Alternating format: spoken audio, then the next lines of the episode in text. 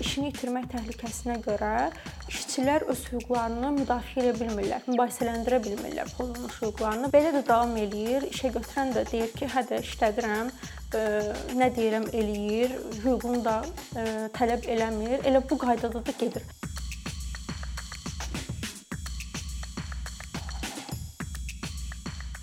İnara elə ilk sualım olacaq. Əmək hüquqları nədir?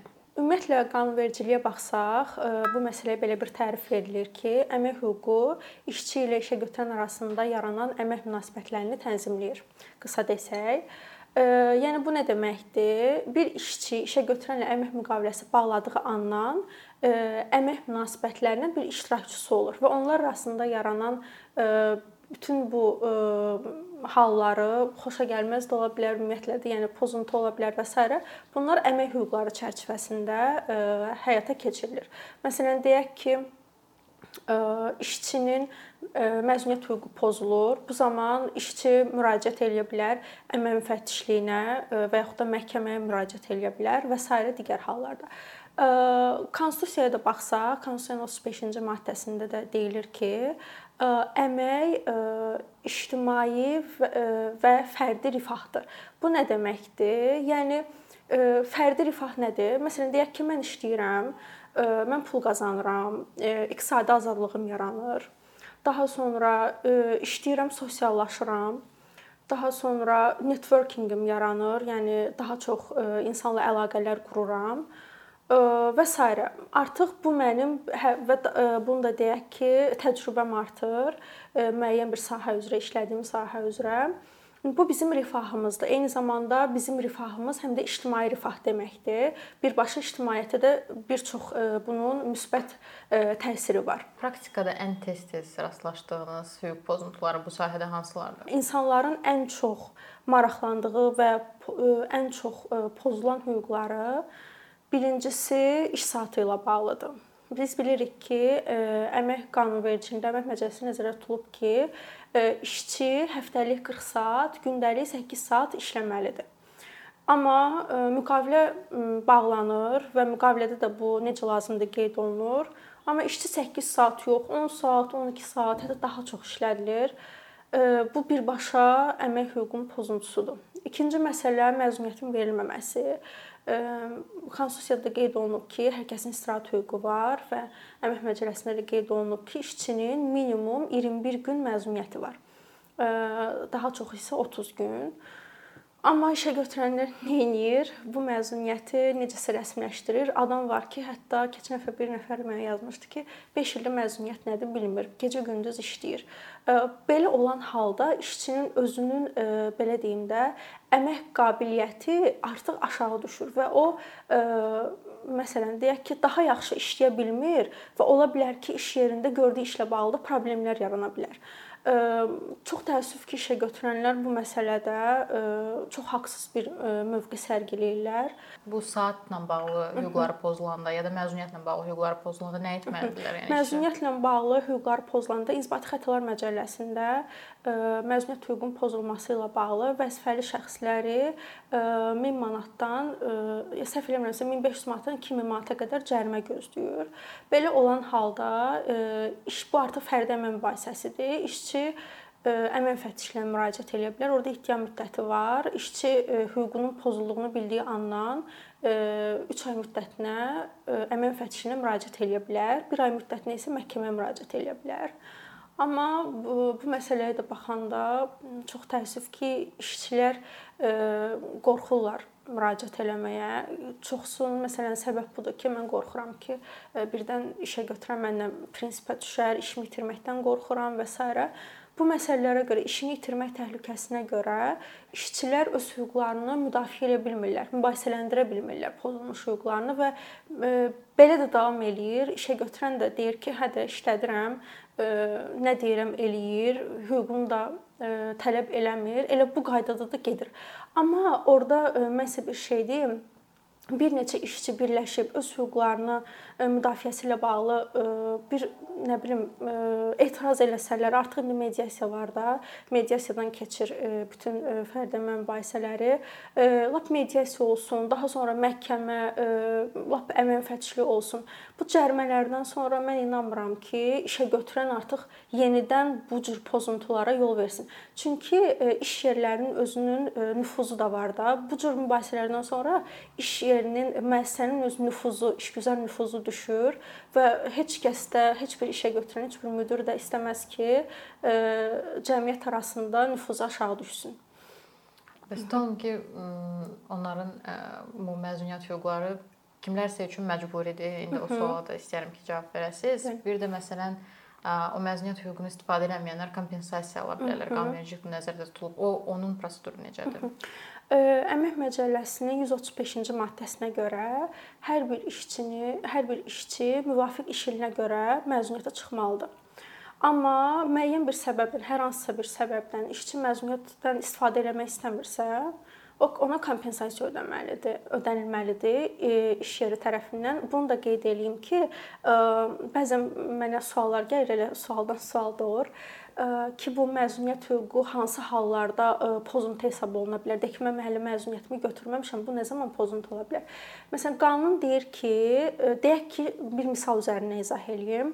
Mənim iş ilim 8 noyabrdan 8 noyabr 2021 və 8 noyabr 2022-ci il arasıdır və mənim bu aralıqda 30 günlük məzuniyyətim var. Mən bu aralıqda məzuniyyətimin deyək ki, 14 günündən istifadə eləmişəm, qalanı qalıb. Mən işə götürəndən xahiş edə bilərəm ki, mənim bu qalan məzuniyyətimi növbəti ilin məzuniyyətini birləşdir. Mən elə götürmək və yaxud da bir iş ilində bütün məzuniyyətini istifadə edə bilər. Artıq belə deyim, növbəti iş ilində artıq məzuniyyətini o zaman da istifadə eləməsə, artıq bu pozuntudur. Buna görə kompensasiya ödənilməlidir işçiyə və bizdə necədir? Artıq bu ə, maddəni də bəzi işə götürənlər ə, sui-istifadə maddəsinə çevirib işçiləri məzuniyyətə buraxmır, elə kompensasiyasını verir. Elə bu qaydada davam eləyir. Əvvəllər məsələn qanunda ümumiyyətlə kompensasiya məsələsi nəzərdə tutulmamışdı. Məcəllədə daha doğrusu belə idi ki, bütün işçilər məzuniyyətə çıxmalıdır. Amma sonradan dəyişiklik elədilər və artıq bu maddəni dəyişdilər, belə elədilər ki, işə işçi istəmirsə, iç məzuniyyətə çıxmasın və kompensasiya hüququndan istifadə eləsin. Bu da ki, dediyim kimi işə götürənlərin əlində bir sui-istifadə halına çevrilib, çox təəssüf ki.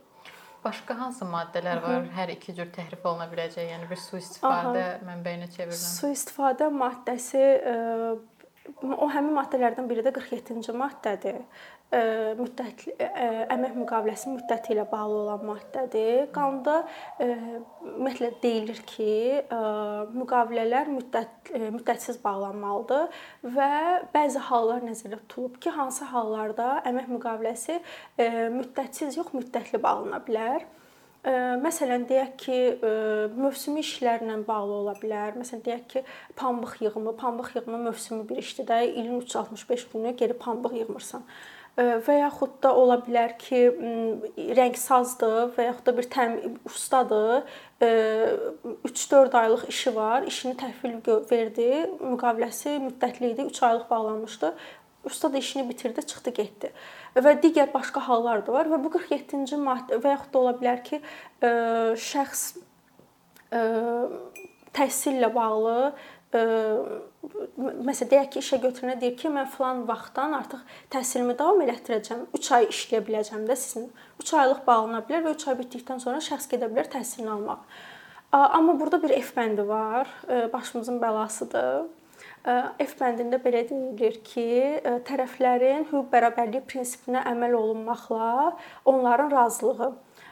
Bu nə deməkdir? Yəni ki, belə loru dildə deyəcəm.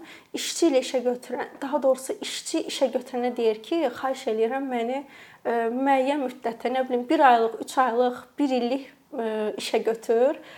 Bu da çox absurddur da mənə görə. Çünki heç bir işçi Ola bilər olsun, amma işçilərin əksəriyyəti buna razı olmaz da. Hər kəs istəyir ki, işi davamlı olsun. Nə vaxt işdən çıxmaq istəsə, bunun üçün də 69-cu maddə nəzərdə tutulub, ərizəsini yazıb işdən çıxa bilər. Amma təəssüf ki, işə götürənlər hamısı bu maddəyə istinadən işçilərini götürür. Hətta mən mənə bir sıra müraciətlər olur. Hətta 1 aydan bir, 2 aydan bir müqaviləsi yenilənən insanlar var. İnsanlar da bezir ki, yəni hər ay nə qədər bu əlavə razılaşmaları imzalayasan da bir insan bir. Amma onu da qeyd eləyək ki, bir iş yerində işçi 5 il artıq işləyibsə, o zaman müddətli müqavilə avtomatik müddətsizə keçirilməlidir. Onu da qeyd eləyim. Bu yaxınlarda mənə bir tanışım müraciət eləmişdi. Sırf bu məsələ ilə bağlı. Deməli, onların iş yerində nə baş verib? Pandemiya ilə əlaqədar əvvəl o müddətli müddətsiz müqavilə bağlanıb ondan və şöbə rəhbəri vəzifəsini icra eləyir. Pandemiyadan sonra necəsə olub, müqaviləsi olub müddətli. Özü də bilmir necə olub. Yəni bunun üçün Qanunda nəzərdə tutulub ki, əgər sən müddətsizdəsənsə və müddətli keçmək istəyirsənsə, bununla bağlı yazılı bir ərizə yazmalısan, imzalı və s. Bu xanım da deyir ki, mən heç nə imzalamamışam. Sonra birdən yadına düşdü ki, deyəsən bizə bir ağ vərəq imzalatdırmışdılar. Yəni ondan sonra artıq bəllidir də, yəni bu çevriliş necə baş verib. E, yəni belə baxılır ki, işə götürənlərin bu necə deyim, xəyal dünyası çox genişdir, fantaziyalar çox genişdir. Hər yol, hər işdən bir yol tapırlar da. İşə götürən iş, işçi daha doğrusu Hı -hı. işdən çıxmaq istəyəndə Hı -hı. nə qədər müddət əvvəldən məlumat verməlidir? Yəni öz ərizəsi ilə çıxmaq istəyir, 1 aymı, 10, bilmirəm, 10 gün tutalım eləmək istəyirsə bunu razılaşmalıdırmı? Hansı formada olur bu? Bu yaxınlarda bunu da bir misal üzərinə izah eləyim. Bir tanışım zəng vurub ki, mənə, bəs mən əvvəlki iş yerimdən çıxmaq istəyirəm Amma mənə və yeni bir iş tapmışam. Müdir də mənə deyir ki, 1 ay gözləməlisən. Mən nə edeyim? Belə bir şey qanunda nəzərdə tutulubmu? Bəli, qanunda nəzərdə tutulub ki, işçi əgər işindən çıxmaq istəyirsə, 1 ay öncədən xəbərdarlıq eləməlidir və 1 ay bitdikdən sonra artıq onun işə getməmə və son haqq hesab cədvəlini tələb etmə hüququ var. Əmək kitabçasını və sair tələb etmə hüququ var. Amma bir ay boyunca başqa bir hal nəzərdə tutulub ki, ola bilər ki, sən bir ayda fikrini dəyişəsən və yenidən işə qayıtmaq istəyəsən. Bu halda ərizə ilə yenidən müraciət edə bilərsən, amma bir şərtlə ki, artıq işə götürən sənin yerinə yeni bir işçinin götürməsi barədə sənə bir yazılı xəbər və ərizə verməsi yazılı olmalıdır da ki, yəni artıq sənin yerinə işçi götürmüşəm. Amma bəzi hallar nəzərdə tutulub ki, işə götürən 1 ay öncədən işçinin əmrini verə bilər. Verə bilər. Bu mütləq deyil, yəni imperativ norma deyil. Hansı hallardır? İşçi başqa işə düzəlibsə, əgər başqa işə düzəlibsə, bu zaman yeni iş yerindən əmək müqaviləsi, imzalı bir əmək müqaviləsi gətirə bilər və yaxud da işə belə deyim, götürülməsi ilə bağlı arayış və s. də, yəni hə, bir sənəd təqdim etməlidir. Başqa bir hal odur ki, işçi yaşayış yerini dəyişə bilər. Məsələn, deyək ki, işçi əvvəl Bakıda yaşayırdı, indi köçür Şəkiyə. Bu artıq təbii ki, işini dəyişməlidir. Xəstəliklə bağlı ola bilər və s. digər hallarda bu hallarda yəni iş 1 ay öncədən əvvəl, daha doğrusu 1 ayı tamam olmamış işə götürən onun müqaviləsinə xitam verə bilər. Hı -hı. Əmək Məcəlləsinə olan son dəyişikliklərlə bağlı danışmaq istəyirəm. Hı -hı. Mahiyyətcə əmək münasibətlərini münasibətlərinə oxşayan müqavilələrin mülki hüquqi xarakterli müqavilə kimi rəsmiləşdirilməsinə artıq yol verilmir. Bu nə dərəcədə ümumiyyətlə düzgündür? Yəni loru dildə desək, əvvəl əgər mən vöyün açıb xidmət hə, xidmət müqaviləsi ilə işləyə bilirdimsə, artıq onu eləyə bilmirəm. Və bunun təsiri nədir? Əslində qanunverici bunu eləyəndə qorumaqmı istəyirdi işçini, yoxsa Əslində bu məsələyə mən bir qədər pozitiv tərəfdən baxıram. Nə baxımdan? Ola bilər ki, bu iki başlı olsun, sadəcə mən bu tərəfindən baxıram. Bir çox iş yerlərində işə götürənlər bir sıra səbəblərdən, vergidən yayınmaq olsun, məzuniyyət məsələləri olsun, bu belə deyim də dırnaqarası israfi ödənişlərdən qaçmaq üçün əmək müqaviləsi yerinə işçilik xidməti müqavilə bağlayırdılar. Yəni işçi hər gün saat 9-dan 6-ya qədər gəlir ofisdə oturur, işləyin, işini görür və s. ara amma işə götürənlə arasında olan müqavilə əmək yox, xidməti müqavilədir. Amma xidməti müqavilənin mahiyyəti budur ki, sən belə e, freelancersan da, işini götürürsən, e, sənin bir deadline-ın olur, son e, işini təhvil vermə tarixin olur. O tarixə qədər sən işini təhvil verirsən, pulunu alırsan, e, vergisini ödəyirsən və s. Mən düşünürəm ki, bu baxımdan bu belə deyim, məcəlləyə bu dəyişikliyin olması müsbət haldır mənfi halları nə ola bilər? Düzü onu hələ ki özümdə müəyyən eləməmişəm. Dünyada hesabat paylaşılır ki, qadın və kişilər arasında eyni işə, gördükləri eyni tutduqları eyni vəzifəyə görə maaşlar arasında ciddi fərqlər. Hı -hı. Azərbaycanda bu bunu müşahidə etmisiniz? Azərbaycanda bəli, bunu mən çox müşahidə eləmişəm. Hətta bir neçə il öncə bir adını çəkməyəcəm. Bir e, filoloq var idi, tanınmış filoloq. Kitabları da var. Biz özümüz də kitabları ilə hazırlaşmışıq universitetdə. O demişdi ki, kişilər qadınlardan daha çox maaş almalıdırlar. Kişilərin maaşını artırmaq lazımdır, çünki onlar ailə saxlayırlar. Yəni çox absurd bir yanaşmadır da. E, yəni biz deyirik ki, ümumiyyətlə Azərbaycanda baxsaq qadınların Ümumiyyətlə gender bərabərliyi Azərbaycanda o qədər də yaxşı vəziyyətdə deyil və çalışdığımız qədər bu qadınların iqtisadi azadlığını biz təmin etməliyik necəsə. Yəni bir qadın 300 manatla, 400 manatla bu heç özünü saxlaya bilməz. O qədər qadın var ki, ayrılıblar, uşaqlar əri aliment belə ödəmir, iki uşaqlarının bir neçə uşaqla qalıb bu qadın e, bilmir ki, özünü saxlasın, uşaqları saxlasın. Ev olmayanlar var, evini kiraya versin, e, kiraya ev götürsün, necə eləsin? E, alimenti də ki, kişi çox vaxt ödəmirlər. Bu da bir ayrı problemdir. Və nəticədə nə baş verir? Qadınlar məcbur olurlar uşaqlarını verirlər belə deyim də internata və ya uşaq evlərinə və verilişlərə çıxıb o qadınları tənqid eləyirlər ki, sən necə anasan ki, uşağını verirsən şeydə uşaq evlərinə və s. Amma bir nəfər çıxıb bunun bir təməlini araşdırmır ki, bu qadın niyə uşağını verib? Demək ki, bunu saxlaya bilmir də. O daha uşağının daha yaxşı yaşaması üçün məcburiyyətdən aparıb uşağını təhvil verib. Mən hal-hazırda bir qadından işləyirəm. Onun qadın məişət zorakılığı qurbanıdır və biz ona kömək eləməyə çalışırıq. Qadın qadına təhsil verməyiblər ki, yəni sən oturmalısan evdə, yaşın çatıb ərə get. 17-18 yaşından ərə veriblər, oxumayıb, təhsil almayıb və hal-hazırda evlərdə təmizlikçi işləyir. Bu qadın məcbur olur ki, uşaqlarını da ki, bir harasa qoysun, getsin, tez haransa təmizləsin, gəlsin günə bir 15 manat, 20 manat qazansın bunun. Amma o qadının yaxşı bir təhsili olsaydı və dövlət də ona şans yaratsa ki, daha dövlət də dövlətin də rolu var, cəmiyyətin də rolu var burada. Daha yaxşı maaşa, yəni o cəmiyyət üçün bəlkə də çox faydalı bir insan olacaqdır. Bəlkə də adam kosmonavt olacaqdır, nə bilim, hər şey ola bilər. Yəni nə, nə təklif edirsiniz? Bu məsələ ilə bağlı mən təklifim belə olardı ki, ümumiyyətlə bu eyni iş yerləri, belə eyni peşə üzrə kişilərlə qadınların maaşları bir olmalıdır. Yoxsa ki mən hüquqşünasam, mən alıram, məsələn deyirəm, 500 manat, amma mənlə paralel eyni işi görən başqa bir kişi alır 1000 manat. Bu axırı düzgün deyil. Mənim özümdə motivasiyam düşür ki, necə olur ki, mən mən də işləyirəm, eyni işi o da işləyir də. Necə olur ki, mən daha az alıram, o daha çox alır. Və bununla bağlı yanaşmalar çox absurddur. Yəni kişi ailə saxlayır, kişinin daha çox xərci var. Yəni bu nə deməkdir? Mənim də xərcim var da, mən də ə, Mən də ailə saxlayıram.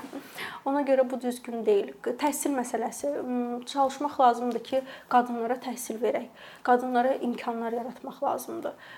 Maarifləndirmək lazımdır bununla bağlı. Bölgələrdə ümumiyyətlə vəziyyət çox pisdir. Biz bölgələrə gedib çıxa bilmirik. Yəni gedib çıxsaq indi ara-sıra eşidirik də vəziyyət həddən artıq pisdir. Məişət zorakılığı olsun, təhsilin olmaması olsun.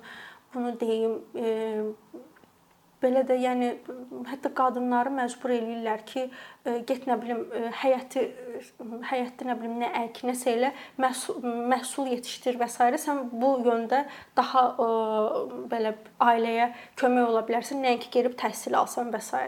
Və son sualım. Bizim qanunvericilik keyfiyyəti qanunun necədir və ə, keyfiyyət sualından sonra da ə, tətbiqi nə vəziyyətdədir? Qənaət bəxşdir ümumiyyətlə. Mənə qalsa mən o qədər də qənaət bəxş hesab eləmirəm. Təəssüf ki, çünki mən ümumiyyətlə elə bir sistem görmək istəyirəm ki, işçi iş yerində problem gördü, dərhal bunu heç bir belə deyim, ay işini itirmək təhlükəsi, ay nə bilim başqa bir şey bunları nəzərə gözə almadan müraciət eləsin müvafiq orqana və hüquqları bərpa olunsun. E, pozulmuş hüquqları bərpa olunsun. Amma burada məsələ nədir? İşçi həm qorxur ki, mən işimi itirərəm, həm də bir qorxusu var ki, mənim göndərdiyim müraciət, elədiyim şikayət araşdırılmaya da bilər. Açıq desək, mən çox rastlaşmışam ki, işçi deyib ki, əmək müfəttişliyinə müraciət etmişəm, xeyli vaxtdır heç bir xəbərətər yoxdur. Və yaxud da əmək müfəttişliyi gəlir işi yerində araşdırmır. E, səbəb nədir?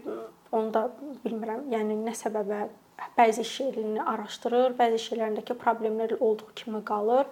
Yanaşma necədir? Mən hələ də tuta bilməmişəm.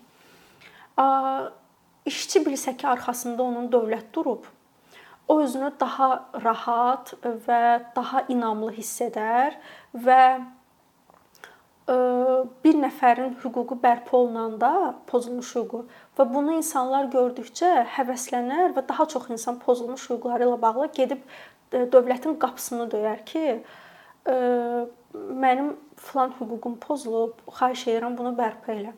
Və beləcə bu bu tendensiya bu qaydada da getsə, artıq işə götürənlər də türklər demiş bir özlərinə çəki düzən verərlər ki, bir qorxuları olar ki, mən əgər bu işçimin hüququnu pozsam, sabah mənim başıma çox pis işlər gələ bilər. Cərimə oluna bilərəm, sanksiyalar tətbiq oluna bilər, müvafiq sanksiyalar və yaxud da başqa bir şeylər. Amma bizdə nədir? Hətta cərimələr də o qədər də açan deyil. Yəni bir şirkət üçün 1500-2000 cərimə nədir ki? Daha çox belə deyim, cərimələr tətbiq oluna bilər. Dövlət özü başqa bir sanksiyalar tətbiq eləyə bilər. Nə bilim, ölkədən çıxışına qadağa ola bilər və s. də bir çox başqa şeylər düşünmək olar. Bu sahədə mən düşünürəm ki, köklü islahatlara ehtiyac var. Çünki insan cəmiyyət var olduqca, insan var olduqca bu əmək hüquqları həmişə də mövcud olacaq və bu qaydada getdikdə, yəni biz cəmiyyətdən yaxşı heç bir şey gözləyə bilmərik. Bir insan 8 saat yerinə 15 saat, 12 saat işləyirsə, bu nə verəcək? Bu heç evə gəlib ailəsinin üzünü belə görə bilmir. Uşaqların üzünü görə, onlara vaxt ayıra bilmir. Adam gecə-gündüz ancaq işdə olur, pul qazanır Evə də yorğun gəlir, başını qoyub yatır. Heç bundan əlavə işləri sərf eləməyə vaxtı da qalmır. Məsələn, insan ola bilər ki, öz işindən əlavə cəmiyyətə faydalı başqa işlər də görmək istəyir. Amma yəni pul qazanmaq dalıca deyirik də, biz pul qazanmaq dalıca getdiyinə görə bir çox işindən olur. Çox başqa şeylər də var. Ona görə mən dediyim kimi, e, mən düşünürəm ki, dövlət artıq bu məsələ ilə ciddi maraqlanmalıdır. İş yerlərinin monitorinqi olmalıdır, gəlib yoxlanılmalıdır hər bir iş yeri ki, yəni bu e, pozuntuların heç olmasa bir xeyli qarşısını ala bilək. Minara çox sağ olun gəldiyiniz üçün, dəvətimizi qəbul etdiyiniz üçün və bütün bu ətraflı məlumatlar üçün. Mən təşəkkür eləyirəm.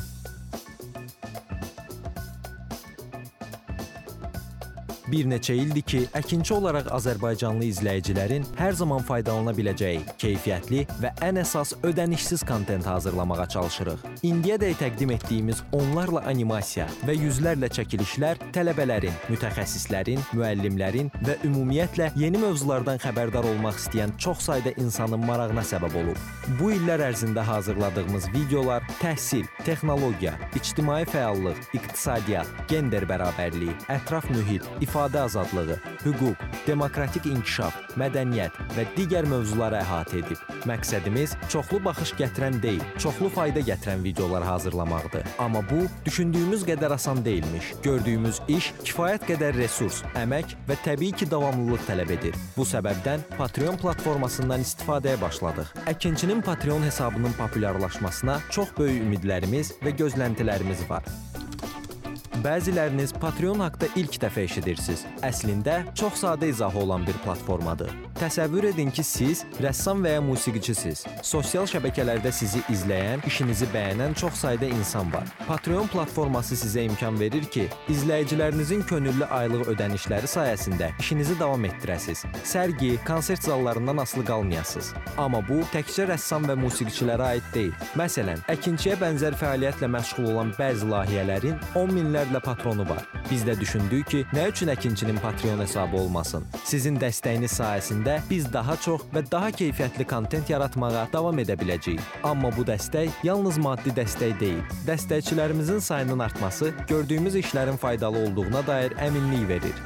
Patreon platformasından istifadə çox sadədir. Hesabınızı açırsınız, sizə uyğun dəstək növünü seçirsiniz və Patreon özü hər ayın ilk günü kartınızdan seçdiyiniz dəstək növünə uyğun ödəniş tutur. Bu qədər. Sonda onu demək istəyirik ki, dəstəkçilərin sırasına qoşulmaq istəyən, amma məhdud imkana görə bunu edə bilməyənlər narahat olmasın. Daha öncə dediyimiz kimi, bizim əsas məqsədimiz daha çox insanın hər zaman faydalana biləcəyi keyfiyyətli və ödənişsiz kontentin yaradılmasıdır. Bunun üçün mütləq patronumuz olmalısınız deyə məcburiyyət yoxdur. Amma imkanınız patron olmağa çatırsa və bizim işimizi bəyənirsinizsə, patronlarımızın sırasına qoşulmağınız bizim üçün çox önəmlidir.